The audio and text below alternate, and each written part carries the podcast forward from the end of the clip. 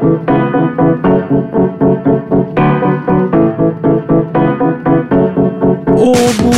god dag, god dag, god dag, og velkommen til denne ukas episode av Ukakurert, podkasten som kurerer uka for deg og deg og deg og deg, med Vegagutten og PD-gutten. Er du her, Vegagutten? Absolutt. absolutt. Han sitter her ved min side og koser seg, Vegard. på fanget.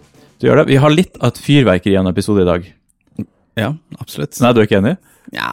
Jo, det er et fyrverkeri i en episode. Vi har til og med en gladsak. ja. eh, Som vi til og med skal begynne med, for det bestemte vi oss for sist at det ble så mange triste saker, så nå må vi ha noen gladsaker òg. Mm. Og gladsaken vår kan vi innrømme handler om en person som har fått overført 1,7 millioner. Egentlig en ganske trist skjebne. Ja, på mange måter. Gladsaken vår inneholder noen triste elementer. Men det er en gladsak.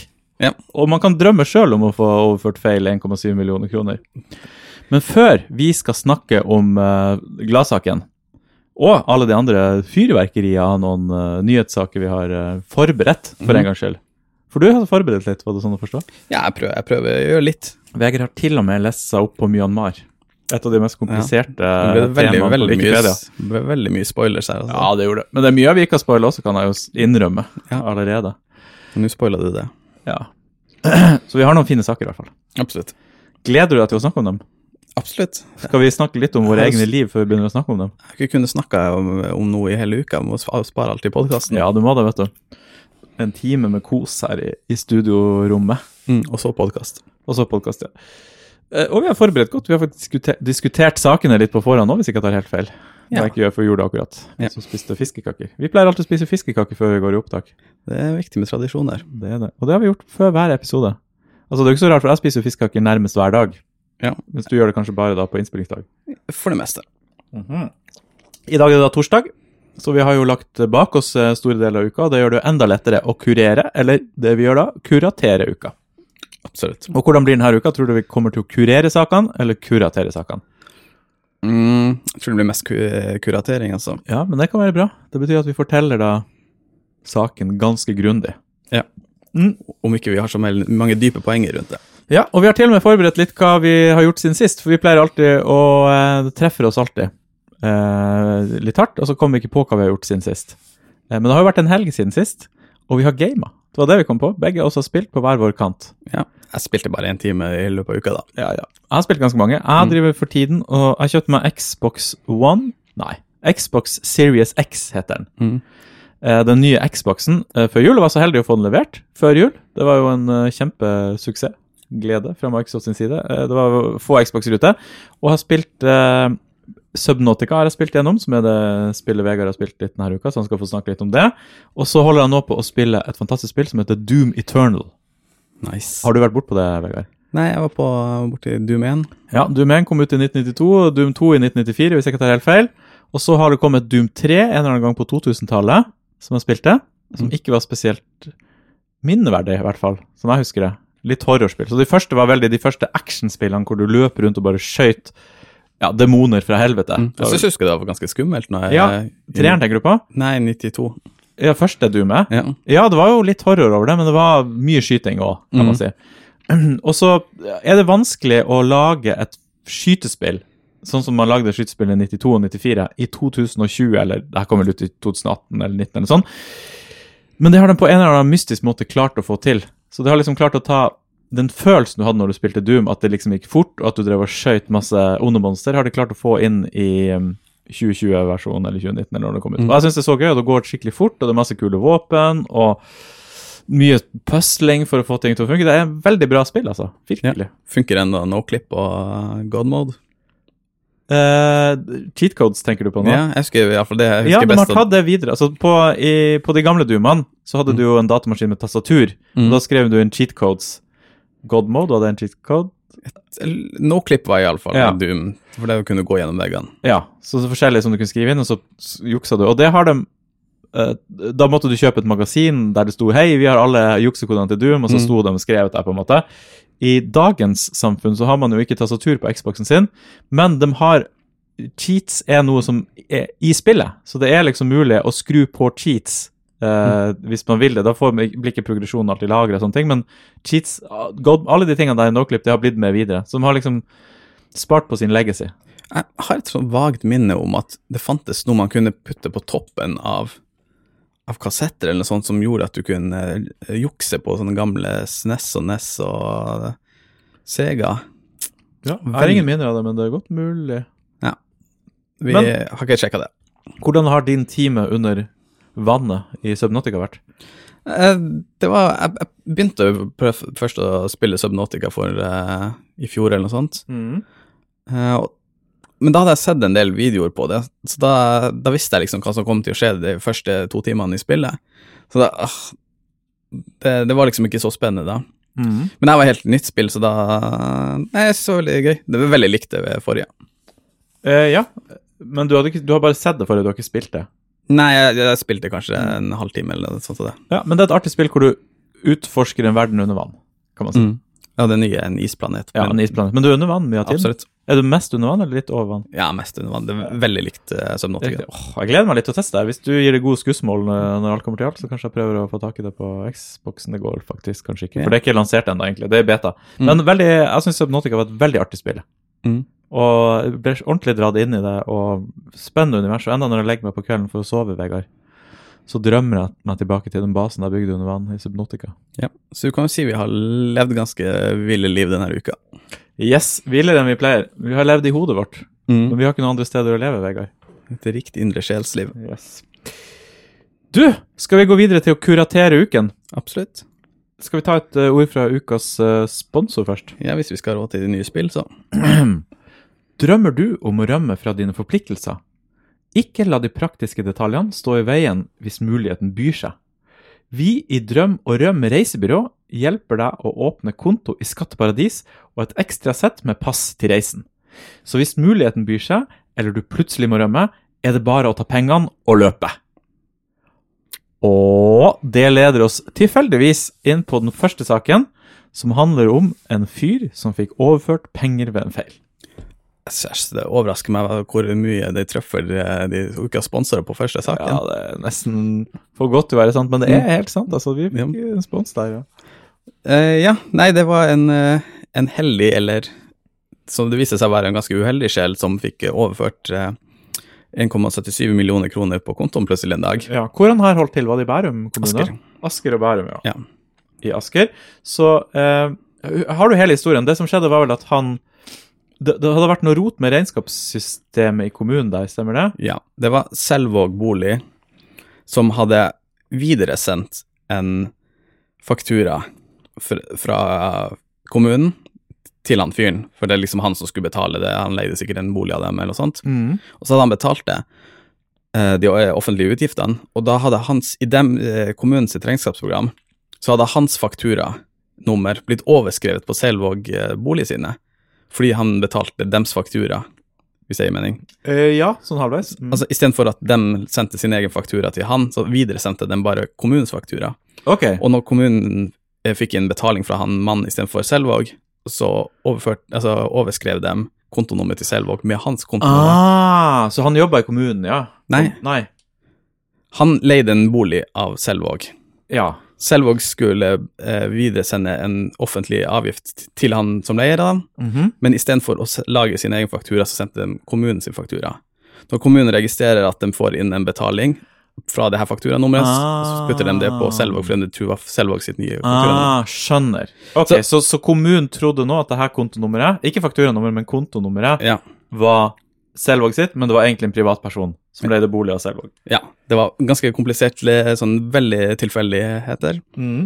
Eh, og så hadde de også betalt for mye i offentlige avgifter, 1,77 millioner. Riktig. var dobbeltfakturert til dem. Ah, så Selvåg ville ha pengene sine tilbake Ja. på kommunen? Ja. Men siden han fyren hadde betalt den fakturaen, og hans kontonummer sto under Selvåg i kommunen sitt, uh, sine papirer, eller datasystem, Mm. så fikk han de 1,77 millioner på kontoen sin. Og for en lykke det må være å ta kortet bort i minibanken. Det er vel ingen som gjør det mer. Eller send en saldo-SMS, sånn som jeg gjør av og til. Ja, bare for å se hvor eh, bra det står til. Ja, og jeg er jo alltid litt minus på konto, så min konto hadde jo ikke stått 1,77, men kanskje 1,76 da. Ja, ja. Oi, jeg er ikke i minus mer, 1,77 i pluss på kontoen. Så det må ha vært en gledens dag for vår venn, eh, navnløse venn i Askøy. Og han bestemte seg jo da, av en eller annen grunn, til at yes, nå har jeg masse penger på kontoen, og ideen er jo ikke så dum, egentlig. Mm. Han satt alt i aksjemarkedet. Ja, for han skjønte det. Han fikk pengene inn på kontoret, han skjønte det her var en feil, som sikkert ble oppdaga på et tidspunkt. Så da tenkte han nå skal jeg tjene noen kjappe grunker på aksjemarkedet. Men hva skjedde? Ja. På, eh, I den perioden når eh, aksjemarkedet nådde sin all time high, så klarte han å tape 1,2 millioner av 1,77 millioner Ja, i løpet av to måneder. Ja, han tapte 500 000 eller et eller annet. 1,2 millioner. Han tapte 1,2! Jeg trodde han hadde 1,7, og så satt han igjen med 1,2. Nei, nei, nei. nei. Han tapte 1,2 millioner! Wow! På eh, to måneder. har, hvilken aksje har han kjøpt, kan man jo lure på. da, fordi som du sier, aksjemarkedet har jo vært booming gjennom 2020. Ja. Så at du klarer Altså, det er jo selvfølgelig mulig å investere i, i feil aksjer, men hvis han bare hadde investert litt bredt da, Mm. i teknologi, så hadde han jo i hvert fall tjent noen hundre tusen sikkert. Jeg har bare satte det på indeks. eh, Jeg har bare satt det på et indeksfond omså, liksom. Mm. Eh, men jeg likte Kanskje veldig han shorta GameStop? Ja, kanskje det. Ja, kanskje det. Ja, men da hadde han mista pengene Ja, nå, da. Ja. Um, men jeg syns også eh, forklaringa hans var veldig imponerende. Fordi de hadde jo spurt han Ja, kan du overføre pengene tilbake? Mm. Å nei, de pengene har jeg brukt. Jeg trodde at det var um, Jeg trodde at det var egenkapital til boligkjøp. Det, det var svaret hans. Ja, ja. Har du sett det? Nei. Å ja, nei, det leste jeg fordi han hadde søkt kommunen om noe sånn startboliglånshjelp. Et eller annet sånt ting som du kan gjøre. Ja, er riktig. Så han, hans unnskyldning han, må, han har jo helt 100 sikkert skjønt at ikke det her var det, da. Mm. Men det var liksom det Å ja, nei, det har jeg brukt opp. Nei, det trodde jeg var sånn starthjelp til bolig. Bare sånn, Mm. Og kommunen var Det høres ut som meg når jeg skal prøve å finne en unnskyldning, så finner jeg, så finner jeg bare mm, et lite flik av noe som kanskje kunne ha noen sannhet. Ja, nei, han var jo eh, Og han var jo, slapp jo i utgangspunktet ganske lett unna med det. De sa jo bare at ja, ok, vi bare, hvis vi bare får pengene tilbake eh, i begynnelsen av januar For han sa Mm. å nei, jeg har vel liksom putta dem i aksjemarkedet, så gi, gi meg litt tid til å betale dem tilbake. Mm. Men så, så viste det seg jo da at han hadde tapt pengene. Mm. Men hvis de er i aksjemarkedet, kanskje den aksjen går opp igjen? Ja, det Jeg, jeg syns det er veldig vanskelig. De får jo pengene helt til slutt, da, hvis det bare blir stående lenge nok på Mhm. aksjekontoen. Jeg lurer virkelig på hva han har gjort med i aksjemarkedet for å tape så mye penger så kort tid. Mm. Er ikke det noen sånne lignende historie på sånn bitcoins de siste årene? Hvor folk har liksom fått inn noen bitcoins fra et eller annet, så har det bare Mm. ligget der lenge, og så plutselig finner man ut wow, det har jo vært fantastisk mye penger. Ja, det er jo masse sånne historier. Det hadde vært veldig interessant å ha, hvis vi noen gang skal intervjue noen i studio Mm. Min store drøm er å intervjue en bitcoin-millionær Ja. som har liksom bare tilfeldigvis, gjerne som bare miner noen bitcoins i Altså Første gang jeg hørte om bitcoin, var jo i 2011 eller 2012 på Freakforum, et forum jeg pleide å frekventere relativt mye. Jeg Mm. vet du sannsynligvis har vært der en del, du òg, Vegard? Nei, veldig sjelden. Jeg å være vanligvis oppe på Kvinneguiden. Mm, ja, du pleier å redigere mye artikler der. Mm. Eh, og da leste jeg om bitcoin, så tenkte jeg for en vits, for en idiotisk idé. Det kommer jo aldri til å fungere. Så satt jeg og lo mens jeg leste gjennom tråden der. Og åtte år etterpå så har alle blitt rike, og jeg har blitt uh, fattig. Ja. Så man burde jo egentlig satse på det. Jeg var jo teknisk dyktig på den tiden. Jeg kunne ha satt opp og bare mina noen bitcoins, og hadde Mm. hatt liksom ti bitcoins. Jeg føler vi snakket om det før. Ja, det er mulig, det er bare et tema jeg liker å snakke om. Ja. Eh, jeg husker ikke hvordan vi endte opp med å snakke om det her nå, men man ender jo alltid opp på bitcoin. Ja, det hadde vært interessant å intervjue en av de som faktisk i 2011 gadd å sette på litt mining, Mm. og plutselig i dag er millionærer. Jeg syns det hadde vært interessant å intervjue han her. Hva i all verden er det du har gjort for noe? Ja, Men- det enig i det. Det er jo sånn historie man hører ganske eh, relativt ofte. Eh, ikke så komplisert som det her med at kommunen, eh, kontonummer og bla, bla. Og vanligvis så er det jo bare et, noen som har tasta feil på en eller annen måte i banken. Mm. Liksom Plutselig så har du 500 milliarder på konto. Og, Mm. Jeg føler banken bare tar det bort igjen når det skjer feil. Ja, ja, ja. Jeg, jeg opplevde før liksom at plutselig har jeg noe penger på konto, så er de borte, liksom, eller et eller annet. Absolutt. Eh, det, du kan jo ikke bruke det heller, for det, du blir jo anmeldt av det. Jeg er jo en god kommunist. Mm. Og jeg fikk faktisk overført feil uh, her for et par uker siden. Oi. På PayPal alle steder. Og dem kan jo ikke ta det tilbake. Nei. Så det var en fyr som overførte meg et Nå husker jeg ikke hvor mye om det var. Om det var, det var rundt 200 dollar, Mm. tror jeg. Uh, men jeg skjønte at jeg skulle det her pengene var ikke til meg. Og så var det merka med et eller annet bilrelatert. Mm. Og uh, jeg har et navn som er likt mange andre Mm. Uh, i Danmark, og en amerikaner. Og jeg har ganske god kontakt med de andre som heter det samme for meg. Så, Ja, for de har liksom Det er vanlig greie. Peder og Jørgensen 1 og 51 og liksom sånne der ting Mm. i sin e-postadresse. Så jeg får ofte andre sin e-post, og så videresender jeg til dem jeg tror det, og så har vi litt dialog og koser oss litt. Eh, så jeg var ganske sikker på at her var til en amerikaner som har det samme navnet som som jeg snakka en del med, for det var bilrelaterte greier. Så svarte han bare, han fyren som hadde overført pengene, hei, jeg tror kanskje du har overført til feil adresse, jeg overfører det tilbake til deg. Mm. Så takk han. og Det var og veldig hyggelig. Som en god samaritaner. samaritaner. Men hvis du hadde fått fra banken, for det her har jeg eh, tenkt på før, det var litt sånn uh, Ukens sponsor ble skrevet med det her i, i, i ta- Nei, Hva mener du? eh, det, Det her må vi klippe ut. ja, det var en ordentlig sponsor. Um, at liksom, hvordan skulle du Hvis du plutselig hadde fått 20 milliarder på, på kontoen, A, ville du da rømt, og B, hvordan ville du gjort det? Ja, For du, for du måtte betalt det tilbake ellers. 20 milliarder på konto. Ja. Altså, da, da får du jo en fengselsstraff hvis ikke du betaler det tilbake igjen til de du eventuelt har fått Ja. det fra. Så det er jo Jeg, jeg tror jeg hadde betalt det tilbake. Mm. Fordi det er jo en gamble. Jeg, jeg mener det er jo fristende. Tar du 20 milliarder Mm. og putter på et indeksfond i, i en uke Hvis indeksen går opp med 1% så er du kjemperik. Jeg gidder ikke å regne ut. Men da har Nei. du mange, mange millioner, i hvert fall, Mm. uh, som du har tjent. Uh, men hvis indeksen går ned bare 0,5% så er det jo fucked for life. Mm. så det er liksom Det gamblet er litt uh, skumlere enn eh, Jeg tror ikke jeg hadde tort å gamble, men samtidig vinner du, da, denne Mm. uka, og det faktisk går oppover. Så er du jo sett for life. Ja, jeg tenkte mer på liksom bare rømme landet og med pengene. Ja, altså ukens sponsor, ja, som kan Ja. hjelpe oss å, å gjøre det. Ja, men jeg ville ikke ha gjort det, tror jeg. Nei. Fordi da hadde de 20 milliarder på konto. Greit, så kan man dra til skatteparadis og liksom uh, sende pengene litt frem og tilbake og hit og dit, og så det er ingen som finner ut av det. Men det er jo noen som eier de 20 milliardene, som vil ha dem tilbake. Veldig ofte så er det ikke det. Veldig ofte så er det bare tastefeil hos banken. Ja, men da er jo banken de 20 milliardene, på en måte. Jo, jo, men dem er ond, som er du ville sagt. Vet du hva?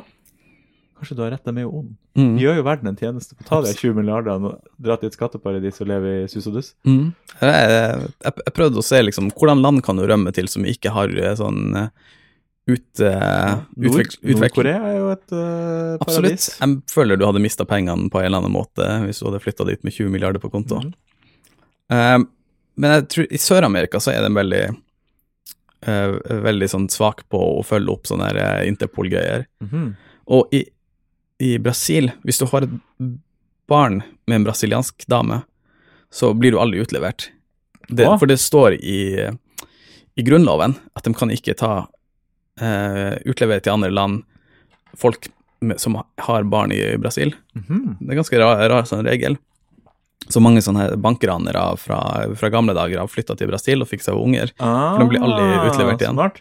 Det var et veldig godt tips, da. Så, Mm. så det du hadde gjort, er å reise til Brasil. Ja, putta pengene først i masse sånne Ja, skatteparadis. Kanskje tatt ut en del cash eh, Mm. i Brasil, og så fått deg en liten unge.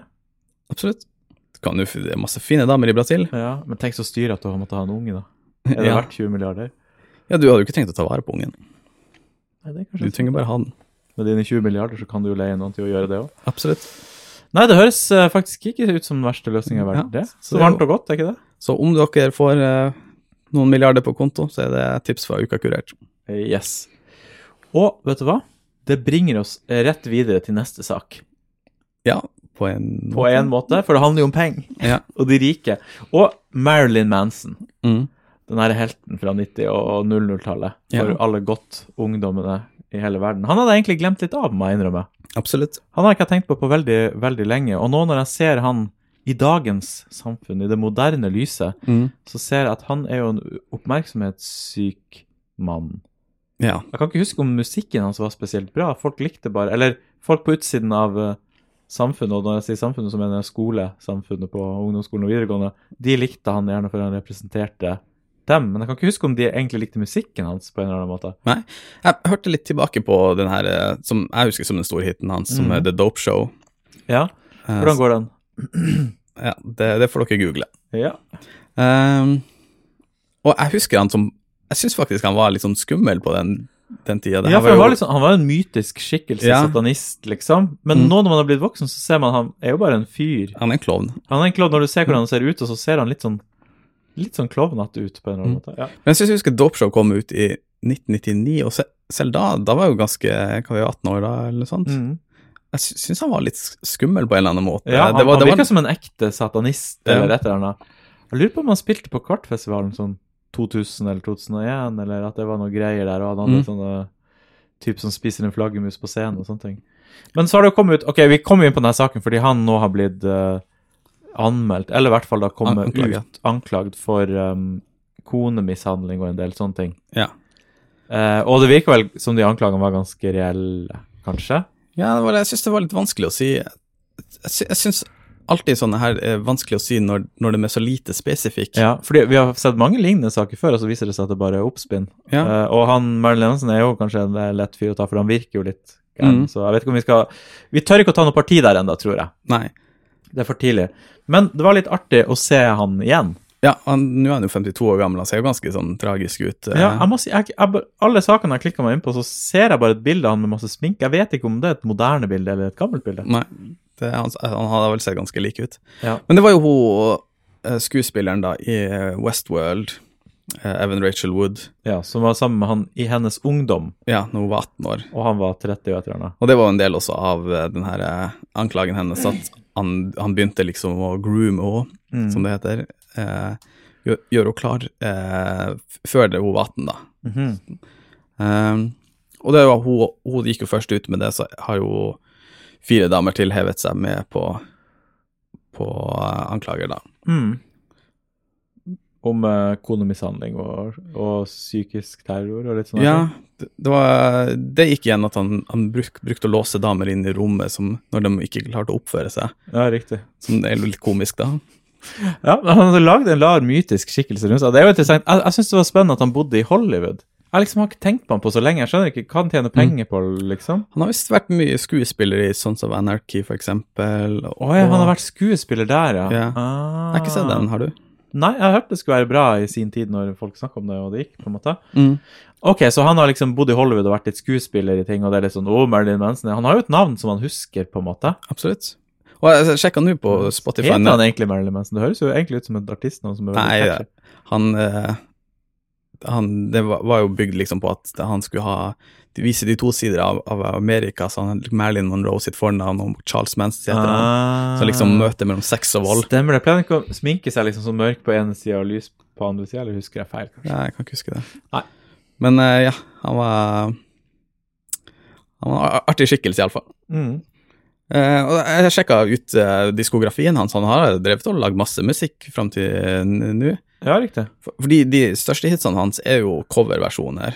Han har jo Tainted Love, var jo en stor Mhm. coverversjon han hadde, og Sweet eh, Dreams. ja, jeg husker ikke musikkstilen hans er sånn metal-aktig Ja, vanskelig å Litt sånn industriell metal-rock. Eh, ja. Jeg så også at um, han Nine Inch Nails-vokalisten Rent Tresner Trent Tresner. Han De var vel ikke venner. Jeg bare så et bilde av dem sammen, Mm. og så skjønte jeg at han hadde gått ut nå også og så sagt at veldig at han hadde visst en eller annen historie, sin selvbiografi, da, hvis jeg skjønte riktig. Mm. Altså at Marilyn Manson har en selvbiografi, jeg visste ikke det da. Hvor han hadde laget en, en eller annen historie som var oppspinn, og så skjønte jeg at det var, han ble nå anklaget for at mange av historiene i hans selvbiografi bare var oppspinn. Ja. Jeg vet, vet du, det her vet jeg ingenting om, så jeg burde ikke snakke om det, egentlig. Men mitt lille sånn inntrykk av det var at han har skrevet en selvbiografi hvor han typ skriver drøye ting som han har gjort, som å Ja. spise en For, for det går jo igjen i, i Men så jeg finner han bare på ting bare for å lage en mytisk skikkelse rundt seg sjøl, liksom. Ja, for det går jo veldig igjen i de her eh, anklagene fra de damene. Jeg har jo liksom prøvd å liksom, Hva er det nøyaktige han har gjort? Og alle er veldig vage om liksom hva vondt han har gjort, bortsett fra at han putta dem in the bad room, og at han mye at liksom han, han har liksom sånne her, dramatiske utsagn at da har jeg lyst til å drepe deg og slå deg med balltre og sånne ting. Riktig, ja. Men kanskje ikke han er egentlig Kanskje han bare er en myk og, og rund gutt på bunn? Ja, det, det tror jeg ikke. Han, han er nok garantert en ganske dårlig kjæreste. Han virker jo som en ganske slitsom fyr. Ja, av og til syns jeg de metal-folkene kan være ganske rolige. Sånn, der, Absolutt. Bli kjent med dem. Ar Army Hammer er et uh, navn som står her i min liste. Ja, for det, Heter du, du, Ar Army eller Arnie? Army, det er ganske artig navn. Ehm, og han er en sånn, sånn relativt kjent skuespiller, da. Ja, for jeg har- aldri hørt om han. nei, han spilte i den her eh, Call Me By Your Name. Som Aldri hørt om. Nei, ok. Uansett, han er Har han spilt i noe kjent? Ja, den er jo kjempekjent. uh, men iallfall, han er lett sånn Begynner å nærme seg A-lista som skuespiller. Ok. Og da var det også noen damer eh, som kom liksom med anklager med han. Og det, der gikk det veldig mye igjen at han, han hadde lyst til å spise ribbeina dem, så det var mye sånn her eh, Jeg føler både han og Marilyn Manson hadde mye sånn edgy at de prøver å bygge sånn mystikk rundt seg sjøl. Er, er han litt sånn Army også? Er litt sånn Han er veldig sånn? Nei, nei, han er veldig A4 og ser okay. veldig sånn Ken-aktig ut. Ja, riktig. Eh, Så det, det var litt sånn komisk akkurat med han, hvordan det, det skilte mellom hans private og hans offentlige Mm. Men han pleide å si sånne ting som 'Å, jeg skal drepe deg og spise ribbene dine', liksom. Ja, og så å, jeg er en kannibal, og jeg har lyst til å spise hjertet ditt. Mm. Mye sånne, eh, sånne edgy greier. Kan det være at det har blitt mistolka at det er litt sånn sånn der faren din var en tyv, han stjal en stjerne og putta i øya? Ja, jeg, jeg, jeg, jeg skulle ønske jeg var en kannibal så jeg kunne spise hjertet ditt. jeg, tror det er veldig mye sånt, for det, det ble jo lekt sånne screenshots fra, fra Instagram DMs, mm. der han skriver alt det her. Men hun dama som lekka det, hadde sletta alle sine svar. Ah. Så man bare ser hans side av samtalen. Så det var jo garantert noe liksom at dem drev med sånne her eh, veldig pinlige kurtise-greier. Riktig. Så det var kanskje til og med litt kødden tone, men det kommer ikke gjennom når du sletter halvparten av svarene. Jeg skjønner. Nei. Og igjen er veldig sånn uklart på nøyaktig hva han har gjort, bortsett fra at han er en dårlig kjæreste. Mm. Uh, men jeg tror, han hadde jo også en privat Instagram-konto der han la ut masse sånn her om at han uh, drev med tok masse sånn her narkotika og uh, helt vilt liv. Riktig. Så det Har mer enn bildene derfra også blitt lekka? da, på en måte? Ja, ja, ja. Selvfølgelig. Og, eh, og da står han liksom og håret rett i vers og røyker en sånn vape og sier at når du finner ut at at dem som skal sjekke doptestet dopteste deg, ikke sjekker for DMT, ser han helt vill ut i øynene. Ja, riktig. Og at å nei, nå må jeg er på, Tok han bilde av at han tar sånn pisseprøve for, for å treffe barna sine. At, for det, det var tydelig i liksom skilsmisse med kona si, så Ja, riktig. Så hadde han endt Ja. med at han måtte ta drugtest for å få se barna. Jeg skjønner. Så det virker som det var to veldig sånne tragiske liv, egentlig. Mm. Og vanskelig å si hvem, hvem som har rett eller ikke. Mm. Det blir spennende å se hvordan uh, Marilyn Manson-saken utvikler seg. da. Hva heter han på ordentlig? Det burde jo være et klassisk quiz-spørsmål. Det vet jeg ikke. Folk Eh, Brian Warner. Brian Warner, ja. Mm. ja. Fint navn, det var for så vidt. Ja. Ikke noe Marilyn Manson, men uh, Men jeg syns jo det er litt artig hvordan det her funker som en slags eh, hoffintrige, hele den her liksom anklage om o- overgrep og sånt. hva betyr hoffintrige? Eh, For det her er jo veldig mye blant de, de rike. Alle sånne metoo-greier. Mm. Altså, det er jo eliten som krangler seg imellom. Ja, sånn sett, ja. Ja. Du, har nevnt det før, ja. Mm. Uh, det- var litt artig, eller ikke artig, men uh, uh, hvis, under denne storminga av Kongressen, Mm. bare for å dra tilbake til Trump, som jeg sier at man aldri skal gjøre eh, Så Vi har faktisk ikke nevnt Trump i denne episoden før nå. Jeg tror ikke vi skal nevne han igjen heller. Eller Nei, han er... vi skal snakke om nå. han er ikke i historien. Men AOC, iallfall, hun, hun gikk veldig ut liksom at hun ble nesten drept Mm. og måtte gjemme seg på rommet når noen kom inn og lette etter henne. Mm. Og så sier hun liksom i bunnen av denne historien at det viste seg at han fyren som var leita etter henne, var en politimann som skulle, Ja. som skulle lede henne. frykten var like reell. Ja. Og så lola jo folk av det at å nei, du var livsfare fra en politimann som skulle beskytte deg. Mm. Og da gikk hun ut at hei, jeg har overlevd overgrepet før, og den her eh, retorikken mot meg, liksom den typiske retorikken man, man bruker mot offer. Mm. Så det er liksom fascinerende hvordan, hvordan den her eh, Ja, hun la ut en lang det her skjedde nå her uka, en lang Ja. Instagram-video eller noe sånt hvor hun liksom snakker om et tidligere overgrep eller eh, noe i den Mm. Og det virker det er liksom så tydelig hvordan det her kan brukes om igjen og om igjen liksom på, på å deflektere skyld og brukes som et våpen mot andre. Mm. Men det lekker veldig sjelden ned liksom til liksom damer som jobber i en bar som blir tatt på rumpa. Det er liksom aldri der. Nei, det ligger alltid nivået over, eller Ja. to nivå over der, det der, alle de Mm. metoo-greiene. Mm. Så det var en, eh, er en kommentar. Men vi kan jo glede oss til det begynner i, på barnivå, for da tror jeg vi kommer til å få relativt mange saker. Jeg tror det saker. aldri kommer til å gå dit ned. Nei. Det er, dukker faktisk opp av og til at folk som jobber på bar, klager på det. Eller nå er det jo ingen som er så mye på bar, kanskje. Nei. Uh, men uh, Men uh, jeg skjønner heller ikke folk som går på bar og klapper bartenderen på rumpa. Jeg syns det høres så merkelig ut. Det Mm. liksom to typer folk. De som vi er med, og så finnes det liksom noen folk som driver på med sånne ting. Ja, Sier de skal spise ribbeina til folk. Ja. Det er den andre typen folk. Det er Mm. ikke sånn som oss. Eller våre lyttere. Nei, jeg, jeg har jo Jeg blir jo alltid overraska over hvor mye syke historier eh, damer forteller. Ja, egentlig jeg også. Det er liksom, det er så mye rart der ute, altså, som Mm. jeg føler virkelig ikke vi opplever i vårt på en måte sant, lag der vi er. Nei. på en eller annen måte. Fordi for eksempel de guttene som gjør de rare tingene, det er jo folk som ikke vi egentlig er venner med, fordi de er jo ofte rare på mange andre måter òg, liksom. Ja. Sosialt rare, som gjør at du inviterer dem ikke med på fest. Du henger ikke med dem, på en måte. Men jentene møter de på byen og på Tinder, liksom, og så Mhm. får du alle de historiene.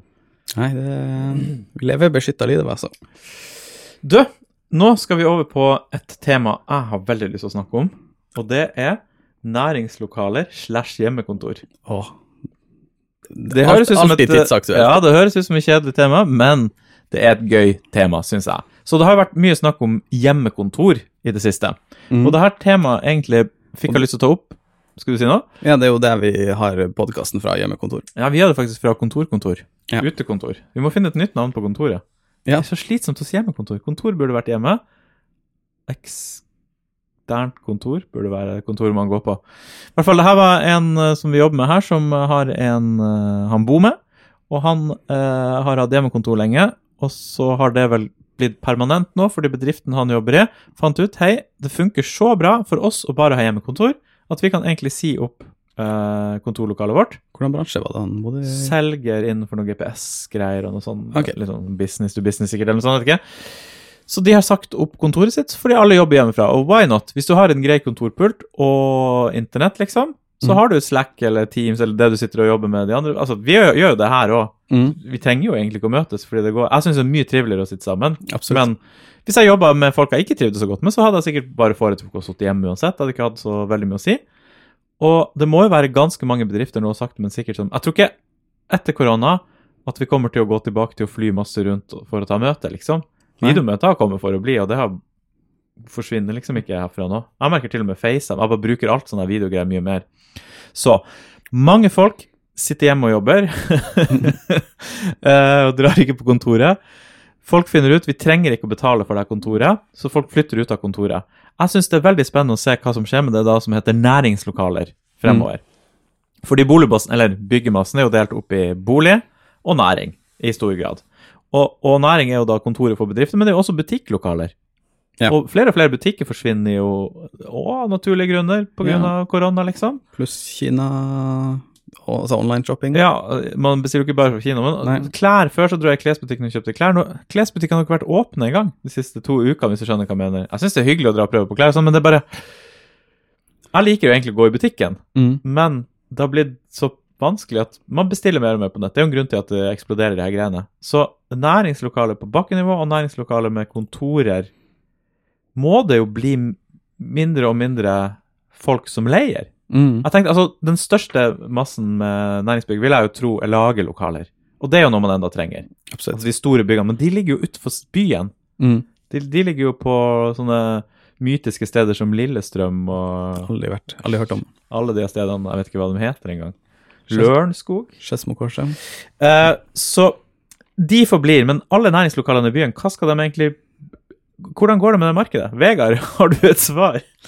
Eh, Du har faktisk sjekka, vi sjekker jo det litt av og til. Ja, For å se hva som er der ute, om det dukker opp ny, mye nytt. Og det har jo ikke vært en eksplosjon av nye ting, har det det? absolutt ikke.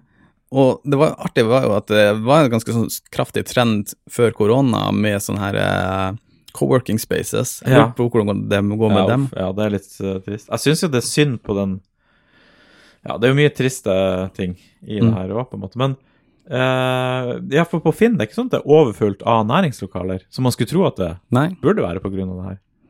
Nei, det, det, men det er også veldig mange som Det var jo en sak i, da, i E- E24 nå at, at det, det var, har jo vært veldig lite eh, konkurser nå.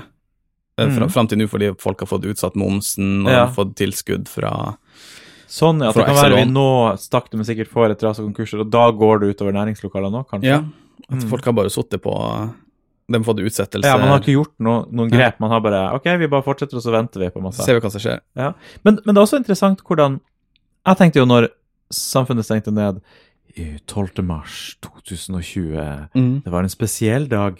Jeg husker ikke om det var 12. mars. Men eh, når det skjedde, så tenkte jeg nå går økonomien til helvete. Fordi økonomien vår handler om å gå i butikken og handle klær og sånne ting. Mm. Men ettersom jeg har skjønt, jeg tror jeg leste den, at det, er egentlig bare 10 av økonomien eller noe sånt, er butikker og det greiene der. Ja. det er veldig, veldig mye er jo sånn som vi sitter her og jobber på kontor her, man driver med salg av GPS til bedrifter, skjønner du hva jeg mener? Mm. Det er jo veldig Er det mye GPS vi selger? Da har jeg misforstått noe veldig stort. Vi selger GPS-er her. Ja. Uh, så, så så Så det er ikke så, så dramatisk for økonomien at man ikke kan gå i butikken og handle, fordi fysiske butikker er en veldig viktig sted for folk å begynne arbeidskarrieren sin, å jobbe og tjene penger, Mm. alle de greiene der. Men folk flest jobber ikke i butikk. Nei, folk flest jobber i kommunen. Folk flest jobber i stat og kommune, og Mm. det fortsetter på hjemmekontoret. Absolutt. Vi trenger jo ikke butikker. Men, men jeg syns det, det var interessant at selv om butikkene er stengt, så går økonomien rundt fordi det er mange andre måter vi gjør det på. Man Mm. bestiller mat på nett, og man bruker jo like mye penger. Det gjør man faktisk ikke. Vi har mye mer sparepenger på kontoen enn vi hadde for et år siden. Altså Norge. Det, eh, det er sånn begrep innen eh, økonomi som heter K-shaped recovery. Mm. Som liksom eh, Man bruker ofte sånn bokstaver for å beskrive hvordan eh, økonomien kommer tilbake. For eksempel, dobbelt W, så tror man det går ned, og så opp, og så ned, og så opp igjen. Ja. Eh, mens en K-shape er da at økonomien kommer til å gå opp for noen sektorer, men for andre sektorer så kommer det til å gå med veldig ned. Sånn, ja. At du får en veldig, veldig splittelse i hvem som Mm. klarer seg etter eh, koronaen og ikke. ja. Og det tror jeg kommer til å skje. Mm. Men det er sånn som du sier, det blir Jeg syns det her blir no spennende å følge med på fremover. Altså, hallo, bolig ja. Vi skal inn på boligprisene i Oslo en tur uh, i Previously, tenkte vi. Men um, boligprisene i Oslo har jo skutt i været. Og at Jeg vet ikke om Hvis man skal kjøpe bolig når man har noe lyst på en liten krok der man kan ha kontor, i hvert fall, for man innser jo at man kanskje eh, vil trenge det. Og det er jo masse næringslokaler. Hvis de blir stående tomme, så er det jo ikke akkurat vanskelig å se for seg hva de kan bli brukt til. Nei. Hvis du skjønner hva jeg mener. Fordi da blir, jeg, jeg tror ting blir bare omgjort i boligmasse. Det er jo ikke verre enn det, liksom. Ja, det er mye sånn god uh, real estate nede i sentrum som, eh, som er kontorer som kunne vært veldig fine beliggenhet for leiligheter. Absolutt. Så, så, så de lokalene blir nok brukt til noe annet. Men eh, Ja. Men det krever jo litt sånn Du må vel om ja, fordi du må søke om å gjøre om og sånne ting. Men det, det ikke være en eh, enn det. Men det, det blir spennende å følge det markedet litt fremover. Vi driver jo og ser litt på det, og syns det er gøy å se på Finn hva som dukker opp. Så blir det artig å se om det dukker opp nye ting der da fremover. Man, sk man skulle jo absolutt Ja. tro det, men uh, som sagt, det, det er jo sikkert mange bedrifter som ikke jobber med butikkdrift på, butikkdrift på bakkeplan. Ja. Som, uh, så jeg, apropos jeg følger med litt på næringseiendom, at Mm. mm. Sopra Steria skulle eh, ekspandere i eh, post, Postgirobygget. ja, Så da de er vel i det bygget allerede, så Ja. det er ikke sånn skilt der. den skal Mm. de ekspandere. Så da blir det ikke det ukakurert eh, bygget i framtida. Enda, det kan det være. Enda, ja. Men får- der er det jo veldig mye hjemmekontor i Sofia Steria. Det er jo bare konsulenter. så- Ja. Men, men. De har jo sikkert uh, godt av å ha litt plass der. Og jeg har aldri vært i Postgirobygget. Det ser ut som et fristende sted. Alle i Oslo burde egentlig ja, på et tidspunkt dra til toppen og så se på utsikten. ja, håper det. Burde vært. Ja, det er jo nok mange som gjør det når de kommer opp på toppen der og ser hvor skal vi gå herfra. Er toppen. Veldig poetisk. Så vi blir å følge det her eh, markedet litt fremover også og se om det dukker opp mye. Det var jo en periode hvor du telte antall eh, måned for måned, men en stund siden det har oppdatert seg. Du, det syns jeg var godt kurert. Faktisk. Og så syns jeg vi har kuratert Marilyn Manson ganske godt uh, mm. også.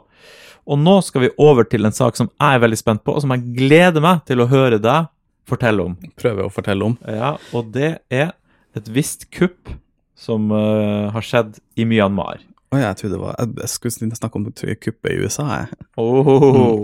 Eh, da nevnte du det også enda en gang. Da har vi nevnt det to ganger. i løpet av Ja. Det får være greit. Eh, kuppet i Myanmar eller Burma? Burma, som det het i gamle dager. Hvorfor heter det ikke Burma? Eh, fordi Burma er en folkegruppe i landet, Mhm. og når eh, Når britene eh, hadde koloni der, så kalte de det bare Burma. Men I Mhm. ettertid så har man prøvd å finne et litt mer sånn nøytralt navn for det, som Myanmar. Riktig. Mm. Istedenfor uh, Ja, jeg kommer ikke på noe eksempel, men uh, det er liksom, istedenfor å ha det bare den ene folkegruppa For så, Som alle britiske kolonier, så er det jo bare en sammensurium av forskjellige folkeslag. Som Riktig, er, så det her landet er jo bare satt sammen av England på en eller annen måte. Ja. Her er grensene. Vær så god. Så uh, vi har jo klart å vende oss av med oss i Burma, da, etter hvert. Ja. Det var jo rart en tid. Nå sier vi Myanmar. Jeg syns enda det er rart å si Myanmar, men sånn er det med alle nye land. Men det er liksom det land som man snakker veldig lite om også, da. Ja, Og som man vet litt om. Men hvor ligger det her, eh, Myanmar? Myanmar ligger mellom Bangladesh og India og Thailand på andre siden. Ok, så det grenser til India. Ja. Så urolighetene da, går det utover India på noen måte? Nei, jeg tror det er ganske Det ligger liksom mellom to fjellkjeder, både Riktig. mot eh, Thailand og, og India, så det er ganske isolert sånn sett. Ja, så eh, Myanmar har hatt et demokrati fra rundt 2010, kan det stemme, frem til for Ja. forrige uke. Altså, det var jo en britisk koloni i, Ja. i gamle, gamle dager. Og det var litt sånn kjedelig koloni, så jeg tror også derfor man ikke hørte om det som koloni, for de lagde bare ris og, og tre. Bæh, boring, ja. Ja. Det var, det var liksom ikke noe opium eller noe Te eller noe annet spennende. Ja, tobakk. Eh, og så etter da, som de fleste sånn land, så ble de, frigjorde de seg fra Storbritannia etter andre verdenskrig. Mm. Eh, og så hadde man vel et slags fritt land fram til 1960, og så tok, kom det militærkupp. Og så har han vært under militærjunta til 2010, som du sa. Mm. Har det vært én sjef hele veien, eller har det vært litt forskjellig Det vet jeg ikke, men, men liksom militæret har iallfall styrt det i, i da 50 år. Ja. Det må jeg si var ganske vellykka. Mm. Eh, og så hadde de da frie valg med hun Aung San Suu Kyi, som man husker som uh, De som sier Aung San Suu Kyi, men det blir jo litt som å si Putin og ikke Putin. ja, Så Aung San Suu Kyi. Uh, Som vi da husker, vi som er litt gammel, som fredsprisvinner fra 1990. Det er en av de eneste fredsprisvinnerne jeg husker, på en måte. Ja, Mm. jeg vet ikke hvorfor, men det, Obama og han. ja, de to, Ja. to beste. Så hun tok jo da over i, i 2010 med når det var fritt valg, og har egentlig styrt, altså hatt ganske god oppslutning der. Ja.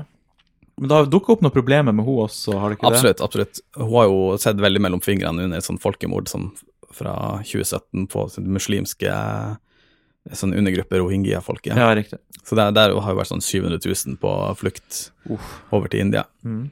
Uh, og hun har liksom vært veldig beholdt de militære i ganske store, altså viktige posisjoner, så liksom prøvde å være å samarbeide med dem, da. Skjønner. Og slått veldig ned på aktivister og journalister og sånt. Mm. Eh, og da, men da, det var tydeligvis ikke nok, for nå i eh, 2020 så var det nytt valg, og hun gjorde det enda bedre enn forrige valg, og hun er tydeligvis veldig populær da. Ja. For de sier at valget var ganske åpent. Mm. Eh, så hun fikk eh, eh, 396 av eh, 476 eh, Valgpersoner. valgpersoner, eh, og det militære politiet fikk 33. Ja, riktig, ja. Så det er liksom over ti ganger så mye, Mm. og det syns ikke de noe om. Så Nei. da bestemte de seg for å ta vakta igjen. Så det er bakgrunnen for kuppet at de gjorde litt dårlig i valget her? Ja, Så da er det bare én måte å det er nok sikkert veldig mye mer som foregår, men det virker jo som hun, hun liksom samarbeida med dem. Ja, for det var det jeg skjønte når jeg leste litt om det, at hun hadde At de hadde hatt en viktig posisjon hele tida i regjeringa. Det var egentlig dem som styrte på en måte. De kunne når som helst ta makta tilbake. Ja. Litt sånn lå i kortene på en eller annen måte. Mm. Så var det de vel valgte å gjøre til slutt, da. Ja. Og de hadde jo fantastisk For hun var jo arrestert, da. Mm. Eh, Du kan få prøve å gjette grunnen til At hun ble arrestert? Ja, altså hva, hva slags eh, Ja, jeg skjønner hun har gjort liksom en forbrytelse da. Ja. Og hva er forbrytelse? Jeg vet ikke, jeg klarer ikke å gjette. Du kommer aldri til å gjette det. Nei. Hun hadde uregistrerte walkietalkies. Ah. Det her minner meg om eh, en viss sak som foregår i Russland, men eh, den skal vi tilbake til etterpå. Ja. Så Nei, det sånn, det er jo der, der stillinga er nå, da. Mm. Og det må jo være Synes jeg det er eh, fascinerende å se hvordan et ordentlig kupp foregår.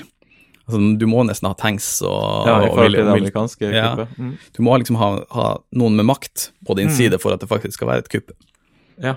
Og da, da funker det jo veldig bra. ja, har du militæret i dine hender. Men hvordan er stemninga i landet nå, da, tror du, en ukes tid etter kuppet? Nei, det har jo ikke vært noe særlig protester eller noe sånt, så jeg vet ikke. Tenk så traumatisk det må være å være på ferie der, og så plutselig er det kupp, Mm. liksom. Hvordan skal du komme deg ut? Men det har jo aldri vært noe særlig ferieland heller. Det har jo aldri liksom joina den ordentlige verden, fordi det er bare siden 2010 det har vært åpent, og selv da så har det vært liksom folkemord og Ja. undertrykkelse, så Bare tenkt å høre hva man tenkte om hvordan det har vært på ferie i et land som ble kuppa, men ja, det er vel, jeg tror det er veldig likt Mm. Thailand, egentlig. Men det er jo trist, da. Det, det virker jo som at uh, vi i Vesten i hvert fall har heia veldig på uh, demokratiet, da. I, Mm. Det viser seg jo gang på gang at det er alltid mye mer komplisert enn Ja, man håper. hver gang man heier på det, så tenker man nå går det, og så kommer det, skjer det. Kommer Å, og folkemord. Ja. Så da er det ny runde, Mm. ny runde med, med militæret der. For uh, hun er jo veldig sånn populært blant uh, buddhistene der. Jeg syns det er artig å ta, litt i, men at det er buddhistene som folkemorder muslimer. Man er det tenker- det som skjer der, ja? Ja, man tenker jo buddhister som ganske sånn Fredelige. Ja. fredelige folk, men de klarer nå å få det til noe de også vil. Ja, det er rart med religion. Man klarer alltid å finne en grunn Ja. til at man skal drepe de andre. Men det, det er jo litt, litt etnisk òg, da, sikkert. Mm. Nei, så det var jo en uh, trist sak, egentlig, da, men det var godt at du fikk kuratert den litt, så vi kunne høre hva som har Ja. skjedd. Jeg følte jeg gjorde bedre jobb på det her enn Nagorno-Karabakh, som jeg følte var veldig dårlig kuratert. Hvem var det igjen? Det var Armenia og Aserbajdsjan for Jeg en av våre tidligere jeg kan ikke huske den saken, den bare Nei. forsvant ut av hodet mitt. Det var så komplisert å henge med på, tror jeg. Absolutt. Du, En eh, ting jeg hadde lyst til å nevne om den saken, var en video altså, som var egentlig helt utrolig, Mm. som eh, dukka opp på Reddit, eh, som er Har du sett bilder av det kuppet på en eller annen måte? Det kjørte da Altså, regjeringsbyggene der borte, Mm. da, eller et eller annet, ligger langs en, det er en svær hovedvei, ser det ut som, Mm. og så går den veien inn, og så er det sånne store porter du kjører inn i for å komme til der styresmakta holder til, da. Ja. Og det ser ganske sånn naturskjønt ut på en måte, eller gjør det det? Det masse, det er en stor vei, i hvert fall. Uansett. Mm. En dame hadde aerobic-teamet som hun filma på YouTube. Ja, det sa jeg også. Du så den, var ikke den helt utrolig? Hun står og ser inn i kamera og danser sånne aerobic moves, og gjør ganske bra moves, på en måte. Mm. Og det er litt sånn aerobic musikk. Og så i bakgrunnen så ser du kuppet, alle tanksene og sånt, kjører liksom bare bak og inn. Det er bare en helt sånn herre Det er helt utrolig video, egentlig. Ja, det er litt artig den her eh, juxtaposeringa mell mellom, eh, mellom et sånn land som er så eh, ustabilt at det er liksom statskupp, og samtidig at det er såpass moderne at de har liksom influencers Mm. som, som driver og legger ut Instagram-videoer. jeg føler den videoen var et perfekt eksempel på hva mm, Ja, kanskje på det landet på mange måter, da. absolutt. En liten Arabic-time. Og da har vi kuratert vår siste ordentlige nyhetssak i dag. Ja. For, for noen fyrverkeri av nyheter vi har hatt. For en reise. For en reise. Men vi er ikke ferdig, for vi skal til Previously on Uka kurert. Ja, En vakker dag får vi en jingle der. Ja, en vakker dag. Previously on Uka kuratert. Nei, Uka kurert. Eh, og eh, første saken jeg hadde lyst til å ta, er jo en sak som eh, til dels hang, henger sammen med det her. Og det er vår venn Putin Mm. og Al Aleksej Navalnyj. Ja. Perfekt uttale. Takk. Han eh, har nå hatt en rettssak, så han eh, ble jo em, Han kom tilbake til Russland. Han ble forgifta av russiske myndigheter, kan man vel si, eller av Putin. eh, og ble sendt til Tyskland for å eh, være på sykehus der og for å bli bedre. Og når han ble bedre, så var det sånn sjokk. Han kom tilbake til Russland og ble arrestert selvfølgelig med en gang. Eh, og han er jo en av the good guys her, og en politisk motstander av Putin, og Putin vil ikke at han skal eksistere, så han prøver Mm. egentlig bare å ta livet av. Men nå kan han ta livet av ham, fordi at alle vet det, på en måte, at han prøver det, så da har han vel lyst til å ha han i fengsel så lenge han kan det. Så han kom tilbake, ble arrestert, og så har det da vært rettssak denne uka. Eh, og da kan du prøve å gjette hva han nå har blitt dømt for. Uh, uregistrerte walkietalkies. Nei, Oh. det, det var en annen sak. Han har egentlig hatt det som heter vel ubetinga fengsel, tror jeg. Som er at du ikke trenger å sone, men at du kan gå fritt rundt i Russland eller det sånn. er ingen som klarer å vite hva som er hva. De to. Hva er betinga, hva er ubetinga? Nei, jeg vet det. Rettsvesenet sliter også med det der, tror jeg. Ja. Så uh, han uh, har da hadde en meldeplikt til politiet hver 14. dag, som han har fulgt, ettersom jeg har Mm. skjønt. Men når han ble forgifta, uh, så har han jo ikke hatt mulighet til å opprettholde meldeplikten sin. Og i hvert fall ikke når eh, han da blir skynda til Berlin og til Tyskland for å bli på en måte være på sykehuset der. Da får jo ikke han meldt meldeplikten sin til Russland. Nei. Um, og det sa han jo i rettssaken, at jeg har jo ikke muligheten til det. Og så sa de ja, men vi har jo ikke visst at du har vært på sykehuset i Berlin. Og så spør han nei, men stoler du på din fører Putin? Ja, vi stoler på Putin. Putin har jo visst hvor jeg var, for han har jo vært i media og sagt at Mm. jeg ligger på sykehus i Tyskland, så dere må jo ha visst at jeg har vært der. Nei, det Ja, nei. Og så ble han dømt til tre og et halvt års fengsel for å ha brutt meldeplikta. Ja. For Det-. At det, at det er mulig å holde på, det blir provosert, da. Ja, nei eh, Så nå er han i fengsel, i, i en slags straffeleiraktig fengsel. Ja, han ble vel sendt, sendt til Sibir i Gulag eller noe sånt? Ja, nei, det var, et, det, det var det det sto at fengselet han ble sendt til, var liksom sånn Gulag-aktig Jeg tror ikke Gulag fins mer, men Mm. sånn Gulag-aktig Altså, det her eh, var ikke helt bra.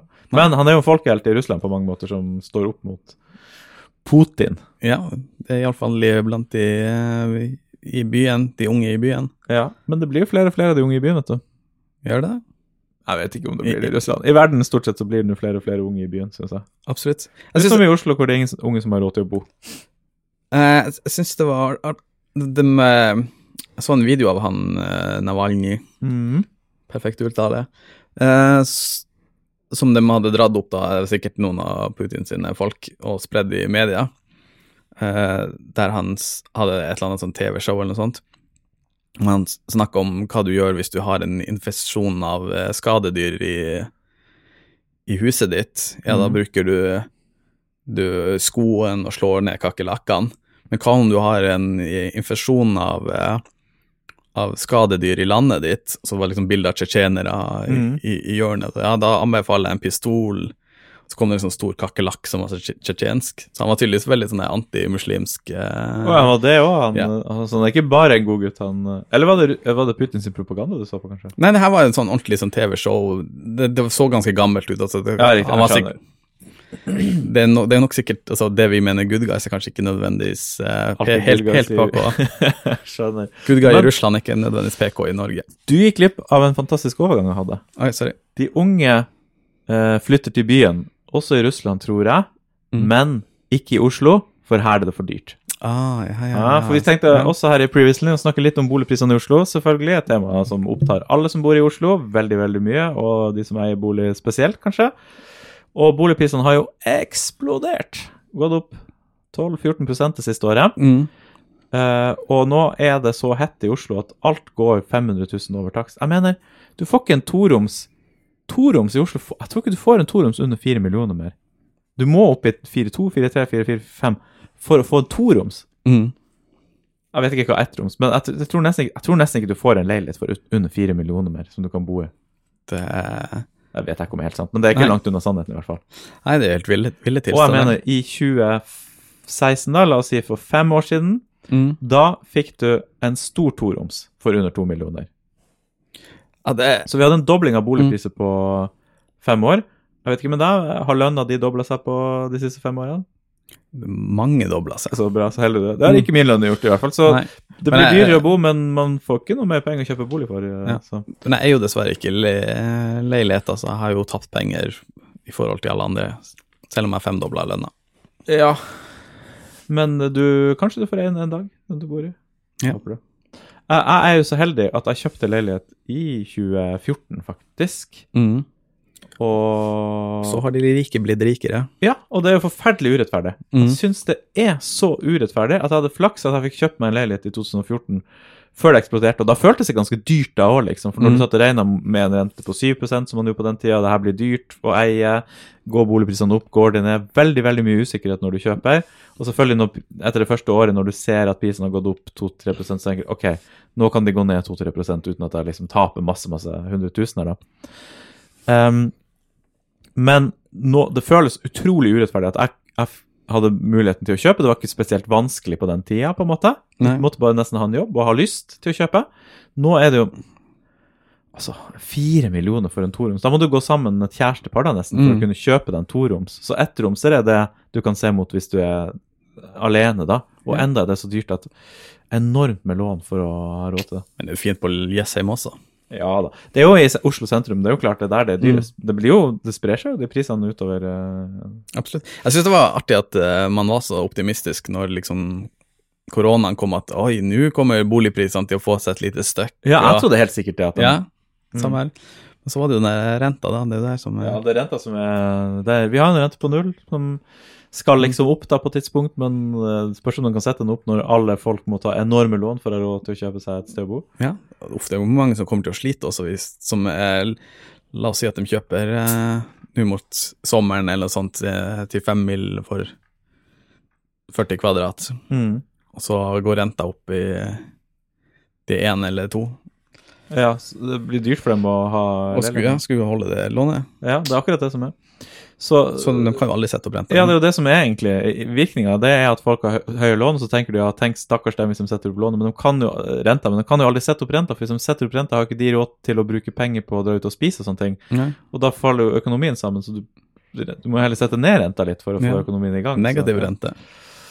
Så det er en uh, urettferdig spiral som gjør at de som har hatt flaks og vært tidlig ute og kjøpt leilighet, sitter på en måte fint i det, mens de som er på utsida, må spinke og spare og jobbe veldig hardt for å ha råd og mulighet til å komme seg inn. Og kanskje kjøpe en bolig i Ski, eller liksom Mm, eller få noen milliarder på kontoen.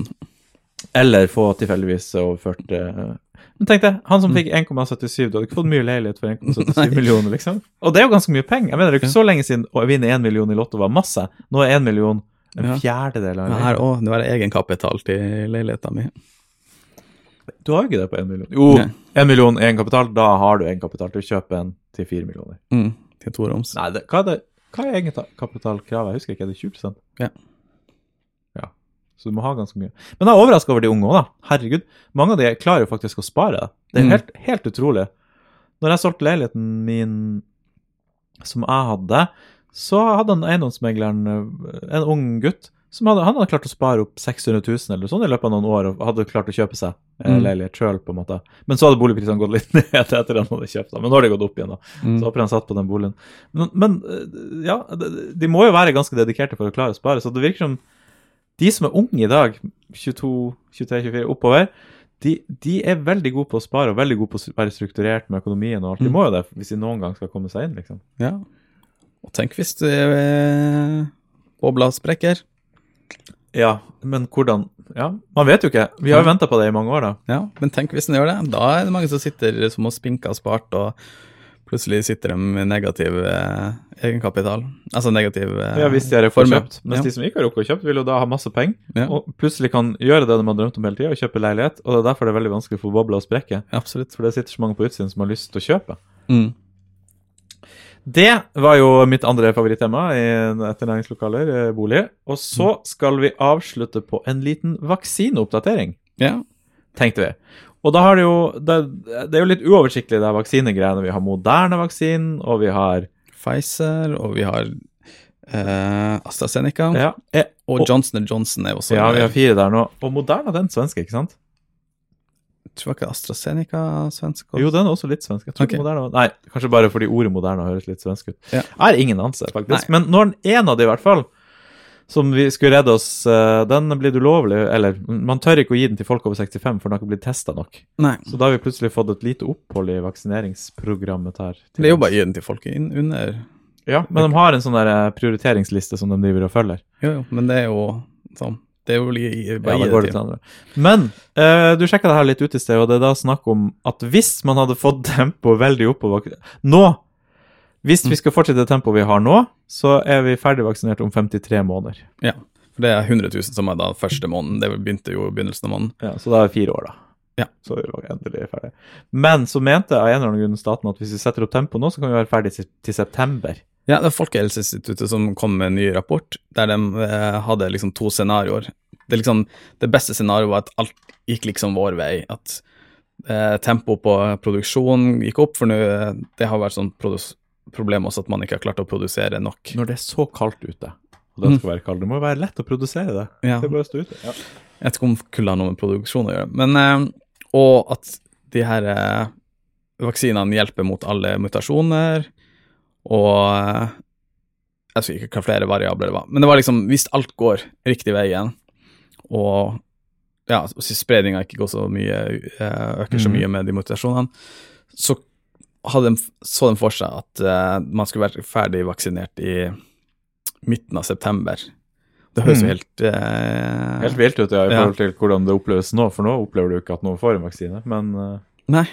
Det, og igjen, jeg, jeg, jeg står ennå ved med min, eh, min eh, hypotese om at mot slutten av eh, sommeren så ser det ganske bra ut. ja. På, fordi at det er ganske mange sånn, altså Man trenger jo ikke å være 100% vaksinert for at For at det skal gå bra, nei, Nei. tallet skal gå nedover. Jeg er enig i det. Man må liksom bare opp til 50-60 Du, har du lagt merke til at den norske regjering driver og hører på podkasten vår? Ja. Det, Vet du hva jeg tenker på da? Nei. Eh, for vi har jo, jo i hvert fall, eh, vi har snakka før om at man burde få et grønt bånd i rundt Ja. handa, alle som har fått vaksine, og så kan du plutselig leve fritt og gjøre hva du vil. Og nå har det begynt å bli snakk om å få et slags vaksinepass på mobilen eller et eller annet sånt. Mm. Så når du får en vaksine, så har du et bevis på det, og da kan du plutselig leve et normalt liv. Og kunne, hvis du reiser til et land, så kan du liksom bare Mm. dra dit uten å være i karantene og sånn. Så hvis jeg ikke har det, så kan jeg titte inn og game. Og kose deg, ja. Ja. Så du burde prøve å unngå det for eh, det det er verdt. Mm. Så lenge man enda kan bruke den unnskyldninga Nei, jeg er ikke vaksinert, jeg tør ikke å gå ut Ja. i samfunnet nå. Ja, jeg må sitte inne. Du kan òg, hvis du tar en eh, positiv antistofftest Det hørtes positiv antistofftest Ja. Det må jo være det det heter. Eh, så um, kan du også få det her passet. Jeg håper det blir innført. Det synes jeg har vært veldig gøy i sommer om folk kan gå på byen bare de har det passet. Da tror jeg alle hadde fått lyst til å ta vaksiner. Folk hadde begynt Absolutt. med privat, produsere sine egne piratvaksiner i sitt hjem. Og ta, kanskje. Kanskje Vinmonopolet kunne begynt å ha en sånn stasjon, vaksineringsstasjon på utsida. Kanskje vi kan begynne å selge fake pass. Oi, nyssen, Oi, snakker vi må begynne å jobbe med det nå. Du, det var det vi hadde i Uka kurert i dag. Nå får vi plutselig en Men det var faktisk det vi hadde. Ja. Tusen takk for at du ville lytte på denne podkasten som kurerer uka for deg. Har vi kurert eller kuratert? Nei, begge deler. I like, i like mengde. Vi pleier alltid å ende opp med det. Ja. Eller noen ganger kuraterer vi mer enn vi kurerer. Og noen ganger kurerer vi mer. Godt, godt, summert. Ja, har du nå tenkt å nevne ukas moral? Ukas moral? Eh, nei, det er vel å kjøpe bolig for fem år siden. Det syns jeg var en god moral. Eller at noen overfører penger feil til din konto, så du kan kjøpe bolig, men det er for lite, med det må bli 20 milliarder, da. Ja. Da har du råd til en Det fire, var ikke noe særlig moral, syns jeg. Men det var en måte å gå ut av episoden på. I det minste, vil jeg si. Yes, og det er jo alt vi vil. Så takk for at du lytter på. Vi er tilbake med nye nyheter neste uke. Kyss og klem.